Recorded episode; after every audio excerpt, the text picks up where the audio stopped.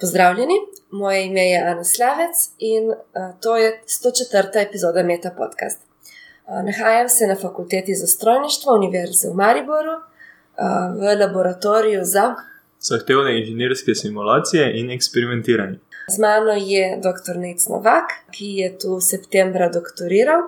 Nec, lepo pozdravljen. Lepo pozdravljen. Nec, poznala sva se že marca na dogodku Mentor leta, ki ga organizira Mlada akademija. Tvoj mentor je bil eden izmed petih finalistov, ampak se dogodka žal ni mogel udeležiti, tako da si na mesto njega prišel prevzeti to nagrado. Zakaj si svojega mentorja nominiral za to nagrado? Um, že med izdelavo, to, oziroma torej med doktorskim študijem, sem imel občutek, oziroma sem bil prepričan, da je moj mentor eden, eden izmed boljših. Kar sem v zadnjih letih ugotovil, da ker torej nismo imeli nobenega problema, so, skupaj smo se odločali v bistvu o, o mojih raziskovalnih eh, ciljih eh, in poteh v nadalje. Tako da in dan danes, vedno bolj kot poslušam zgodbe, dosti mladih raziskovalcev opažam, da sem v bistvu imel najboljšega možnega mentorja.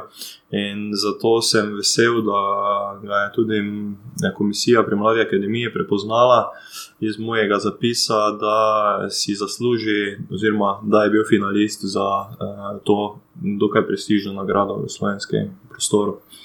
Uh, s čim pa si se ukvarjal v doktorski disertaciji? Uh, v doktorski disertaciji sem se ukvarjal z razvojem in karakterizacijo posebnih uh, celičnih materialov. V večini je to šlo za kovinske, uh, kovinske pene, ki imajo posebno obnašanje, um, saj se ob uh, tlačni obremenitvi skrčijo, kar je takšno neintuitivno obnašanje, ki ga najdemo zelo redko v naravi. Uh, in to obnašanje nam omogoča izredne lastnosti pri udarnih obremenitvah, pri balističnih zaščitah in uh, podobnih stvareh, ter tudi uh, edinstveno de, uh, deformacijsko obnašanje, ki ga lahko uh, s pridom izkoristimo tudi v tekstilni in športni industriji, uh, kjer uh, uh, omogoča. Uh, večjo absorpcijo, absorpcijo energije, čigar posledica je manjša možnost poškodb, ter bolj udobna oblačila ter bute. Čakaj, zdaj govorimo o tekstilu, ki je tukaj kovina v zadrgah. E, tako, torej, večina našega e, raziskovanja je bila na e, kovinskih materijalih, e, druga, v bistvu druga branža teh materijalov, oziroma druga smer e, raziskav teh materijalov, pa v bistvu smo začeli uvajati v zadnjem letu mojega študija, saj iz zgodovinskih razlogov je tekstil, e, tekstilni oddelek tudi na. Eh, fakulteti za strojništvo v Mariboru in smo se v bistvu povezali, odkrili nekatere skupne cilje z raziskovalko na, eh, eh, na, na tekstilnem oddelku, tako da smo se osredotočili tudi v, sedaj v tekstilne, te oksetične materijale. Oksetične, kaj pomeni oksetično? Okay, oksetično, uh, oksetično obnašanje v bistvu izhaja, oksetično uh, je, prihaja iz uh, grške besede oksetus. Uh, in v, pomeni, v grškem jeziku to pomeni teži k povečevanju. Uh, torej, če ta material raztegnemo, se njegov prečni preseg poveča, torej iz tega izhaja to teženje k povečevanju, in potem v bistvu eh, preko eh, angliške besede auxetos pridemo do slovenskega prevoda, ki smo ga nekako oblikovali, do auxetičnih materijalov. Uhum.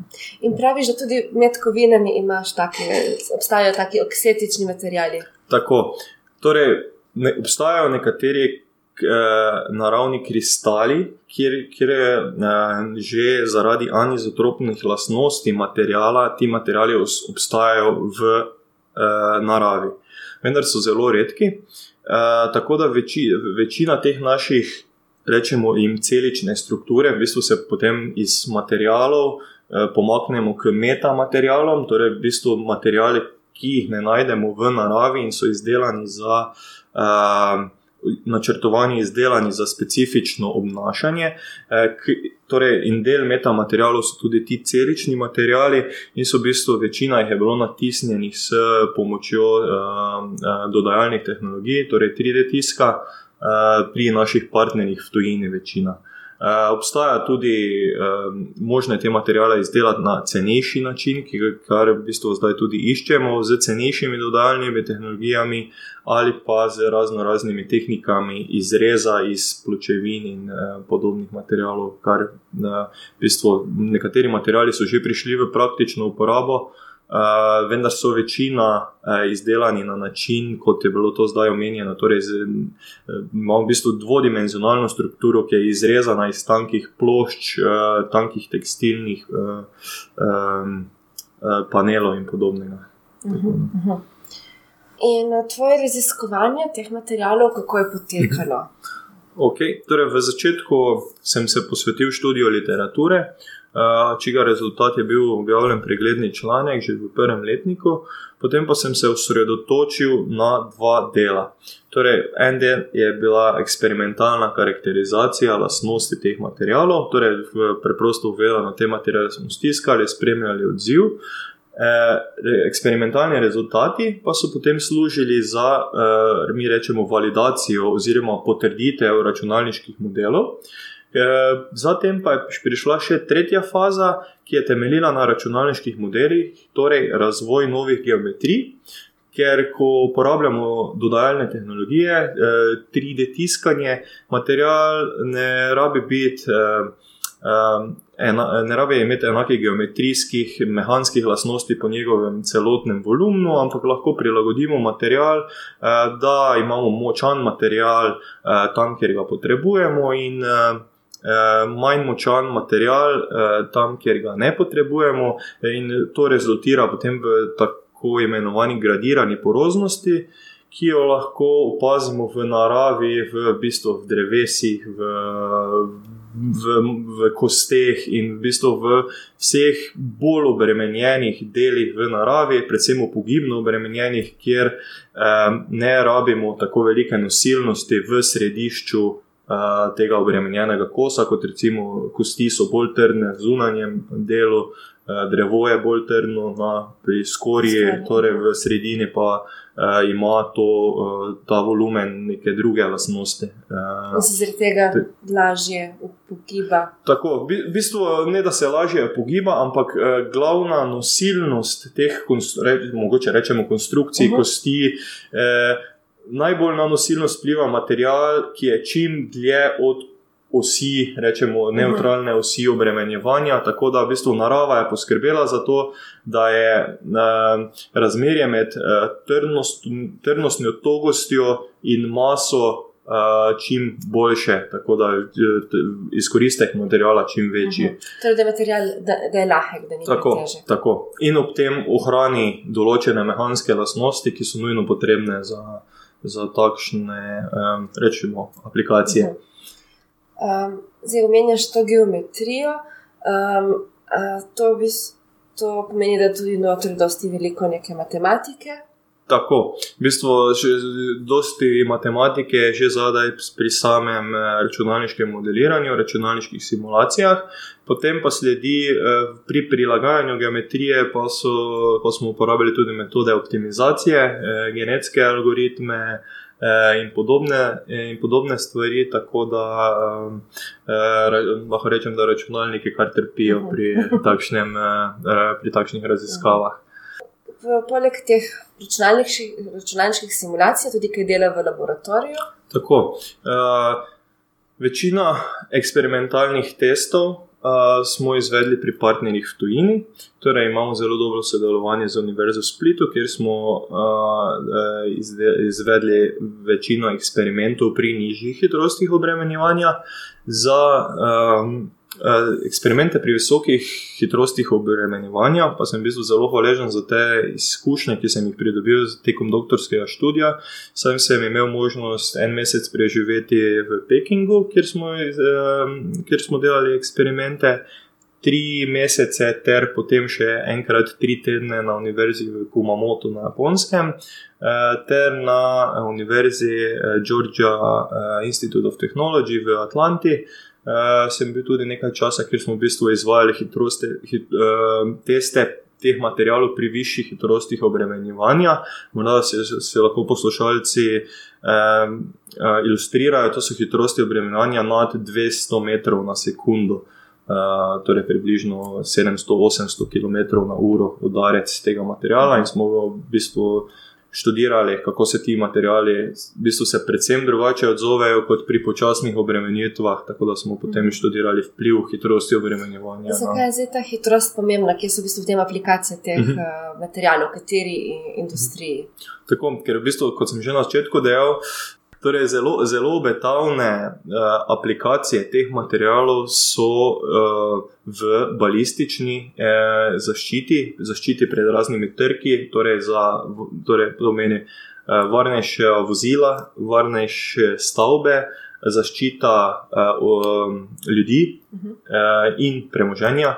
Um, tako da pri teh obremenitvah nas, uh, nastopijo, torej pri takih visokohitrostnih trkih, nastopijo uh, deformacije materijala pri visoki hitrosti, tako da je potrebno uh, določiti uh, obnašanje teh materijalov pri takšni hitrosti, saj se naprimer. Uh, zaradi njihove vztrajnosti materijala, material nima časa deformirati. In če material udarimo, se v bistvu material ne deformira s celim svojim eh, volumnom, telesom, ampak se deformira samo na tistem območju, oskem območju udarca.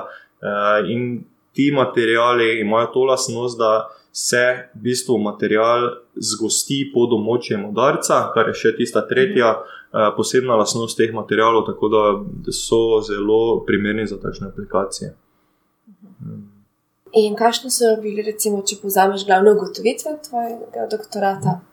Torej, ena izmed glavnih ugotovitev so bile, eh, so bile študije vpliva proizvodnega postopka eh, dodajalnih tehnologij na mehanske lastnosti teh materijalov. To je bilo podkrepljeno z mikro-CT skeniranjem in metalografijo. Potem so bili na osnovi tega izdelani računalniški modeli, s katerimi smo se lahko potem rečemo, igrali eh, ter testirali te materijale pod različnimi obremenitvenimi pogoji, ki so se izkazali in smo točno lahko določili za vsak testiran material. Pri kateri hitrosti se bo ta material oziroma oksetična struktura odzval na kakšen način, pri kateri hitrosti pride do spremembe te eh, deform, eh, deformacijskega načina, kar je zelo pomembno v, eh, v teh načrtovanih modernih konstrukcijah, ki, bo, ki bodo vse uvale takšne materijale. In v, v zadnjem poglavju pa smo še dokazali, da s pomočjo te gradirane poroznosti, kot je bilo predhodno omenjeno, lahko v bistvu to poroznost na ključno spremenjamo če se izbere, če, če imamo specifično aplikacijo, uh, vemo, kakšna je recimo lahko največja sila oziroma največji pojemek pri trku avtomobila, lahko to strukturo z pomočjo optimizacijskega algoritma oblikujemo tako, da, ne, da bo zadostila tem kriterijem. Obenem pa bo čim lažje, eh, eh, pa bo njena teža čim manjša, tako da v bistvu zadostimo vsem kriterijem in obenem zmanjšamo stroške ter težo um, teh tako imenovanih absorberjev energije pri, eh, pri trgih. Um, tako da to so bile zdaj neke začetne študije, sedaj smo v kontaktu, poskušamo priti v kontakt s podjetji, da bi um, tudi na mednarodni ravni, da bi prišli s temi materiali v neko praktično aplikacijo. Uh, Vsa tudi možnost kakšnega patenta? Ja, ja. Se predvsem na področju novih geometrij, um, novega načina um, proizvodnje teh materijalov, iščemo torej cenejši način.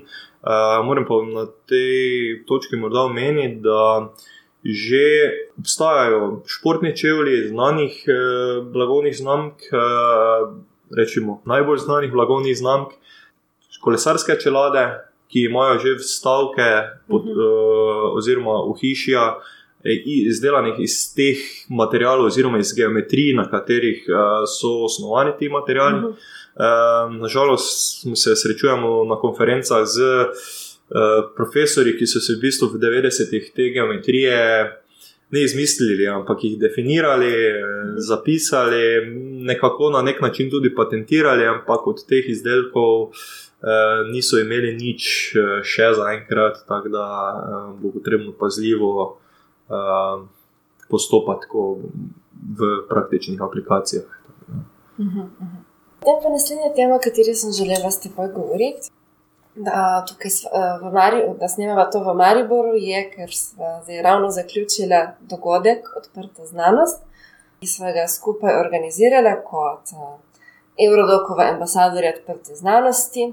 So organizatorji so bili tudi Univerziteta Knjižnica Maribor, Univerza v Mariboru, s, uh, arhiv družboslovnih podatkov oziroma slovensko vozlišče Zveze za raziskovalne podatke Research Alliance. Arnes, projekt National Initiatives for Open Science in Ministrstvo za izobraževanje, znanost in šport. Pa sem vse prav naštela, ker je bilo toliko soorganizatorjev. Kako se ti je zdel dogodek? Uh, izredno zanimiv. Uh, v bistvu, mislim, da bo ta odprta znanost uh, del našega vsak, na, vsak dana v roku nekaj mesecev, nekaj let. Tako da se je bilo zelo zanimivo dodatno izobraziti na tem področju, še dodatno mhm. je od tega izobraževanja za ambasadorje odprte znanosti, srečati z ljudmi, ki v Ljubljani, večina v Ljubljani, zraven naše knjižnice, tukaj v Mariboru, že trdo delajo na tem področju. Tako da mm, bo zanimivo spremljati razvoj v naslednjih mesecih, letih. Ja. Zdaj, ta uh, tvoja zgodba z odprto znanostjo se je začela tako, da si se javil na oglas. Uh, mlade akademije, ki je iskala nekoga, ki bi se udeležil Eurodovkovega izobraževanja odprte znanosti. To je potekalo letos od aprila do junija. Kako, kako je potekalo to izobraževanje? Uh, torej, to uh, izobraževanje je potekalo interaktivno preko spleta. Uh, izobraževanje je bilo razdeljeno na deset modulov, uh, torej, to pomeni, da vsak teden uh, je bil obravnavan en modul, bilo je izvedeno preko YouTube-ovega uh, seminarja, kjer smo lahko poslušalci v živo uh, poslušali predavanja uh, renomiranih raziskovalcev na določenih področjih. Ter tudi komentirali, oni so potem po, po webinarju odgovarjali na ta vprašanja, in diskusija se še lahko razvila. Eh, potem je bilo sprotno preverjanje znanja vsak teden, na koncu pa je bil, eh, bilo iz vseh teh desetih različnih modulov odprte znanosti. Eh, izvedeno še skupno testiranje, in po uspešno upravljenem tem tako imenovanem spitu, smo potem pridobili Eh, naziv ambasadorja odprte znanosti, ki nas je, je trenutno 30 v Evropi. Mislim, da 24. Aha. 30 jih je začelo, ampak eh, končalo nas je 24. Ja. Katero eh, izmed teh izobraževanj si, si najbolj zapomnil?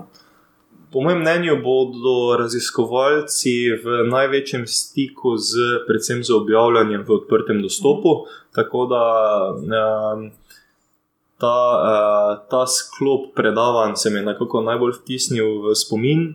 Uh, tudi v, objavljen, z objavljanjem v odprtem dostopu je povezan ta uh, uh, Open Peer Review, torej mhm. odprt pregled uh, znanstvenih rezultatov, uh, kar mislim, da bo tudi se dokaj razširilo v naslednjih letih, in pa ker uh, tudi sam um, obdelujem velike količine podatkov. Eh, ki so potrebne za nastanek enega članka, tudi ta odprt, od, odprt dostop do podatkov, ki bodo verjetno v prihodnosti tudi zahtevani, da se v neki obliki naložijo na repozitorije, tudi ki se. Eh, veliki infrastrukturni projekti odvijajo tudi v Sloveniji, eh, zdaj. Si potem izobraževanje že uspel spremeniti kaj v svojem poteku svojega raziskovalnega dela, vnesti kakšne spremembe? V prav v nekih tehnikah raziskav ali kaj podobnega, ne, ampak smo pa, ravno mislim, da prejšnji teden. Eh, Uh, sem poslal prvi članek v odprt dostop, mhm. sicer nažalost v, v zlat odprti dostop, kar pomeni, da bo potrebno plačati za, za objavo, oziroma če bo članek sprejet, ampak upamo na ta RSE razpis, da bomo uspeli eh, pridobiti stroške nazaj. Zdaj je neko prehodno obdobje, upamo, da se to čim prej, eh, čim prej menja.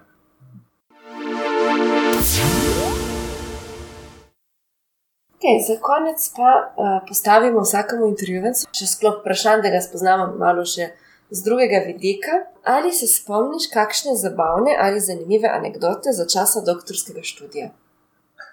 Uh, kot lahko sama vidiš, smo tukaj pri nas dokaj uh, enotnem prostoru, 5, 6, 7, 8 raziskovalcev in teh zanimivih uh, in zabavnih anegdot je na dnevni ravni, po mojem, vsaj 5, 6 krat se smejimo, včasih nas gostje iz daljnega vzhoda, ki so tukaj pri nas kar redni gosti, malo čudno gledajo, ker ne razumejo nič kaj.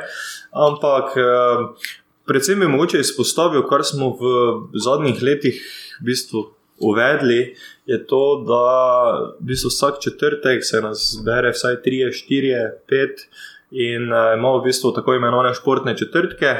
V primeru, da dežja se omaknemo kam pod kap in počnemo kakšne druge stvari, ampak načeloma se v četrtek popoldan družimo, gremo na kolo, gremo v hribe, uh, tako da to nekako dopolnjuje to vsak dan v pisarni. In v bistvu imamo tedenske team buildinge, kar je zelo rečemo, zanimiva lastnost te službe. Tako da v bistvu poteka uh, je delovno okolje brez sporov, smo um, v bistvu že dokaj na prijateljski ravni. Tako da um, je to, to ena taka anekdota, ki bi jo izpostavil. To je v bistvu inicijativa vas samih, raziskovalcev.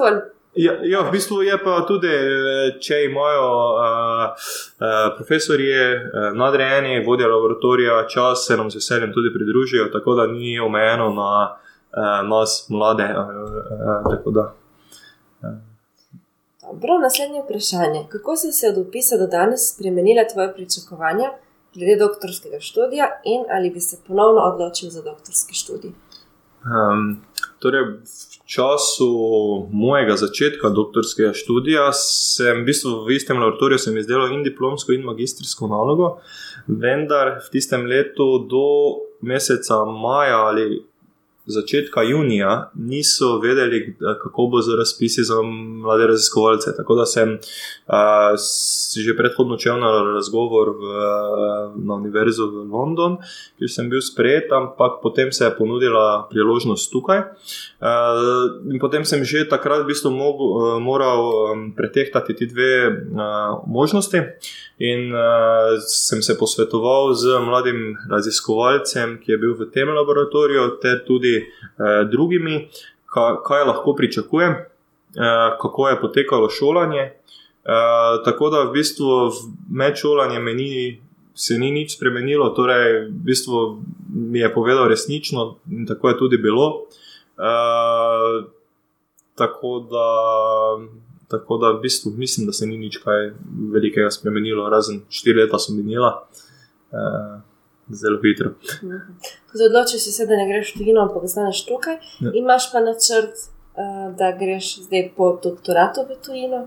Um, ja, za, za nekaj mesecev še bom uh, verjetno še odšel. Zdaj si, v bistvu, sem si napletel že dokaj veliko svojo mrežo ljudi, ki delajo na področju teh akusetičnih materijalov. Uh, ter mislim, da ta um, Erasmus program dan danes nam omogoča, v bistvu, če le najdemo čas in voljo, lahko brez skrbi uh, odiremo za nekaj mesecev v tujino. In zdaj, ko smo, smo še mladi, uh, mislim, da bi morali to izkoristiti, kar nam Evropa omogoča. Če bi imel priliko iti na kavo s predsednikom vlade, kaj bi mu predlagal, da izboljša na področju znanosti? Predvsem kot je že neštetokrat bilo omenjeno, položaj mladih v znanosti, ter na splošno položaj znanosti v Sloveniji. Ampak moče na tem mestu bi se osredotočil predvsem na mlade, ker sam sem imel dokaj veliko srečo, da lahko sedaj kar nadaljujem eh, z delom v istem laboratoriju na pedagoškem delovnem mestu. Veliko mojih prijateljev, znancev, uh, reč, mogoče rečemo, so trpino, ni imelo te sreče, ampak na strojniškem področju si še v večini primerov lahko poiščejo službe v industriji, ampak so, je dosti uh, drugih uh, smeri študija, kjer ponavadi nimajo te sreče.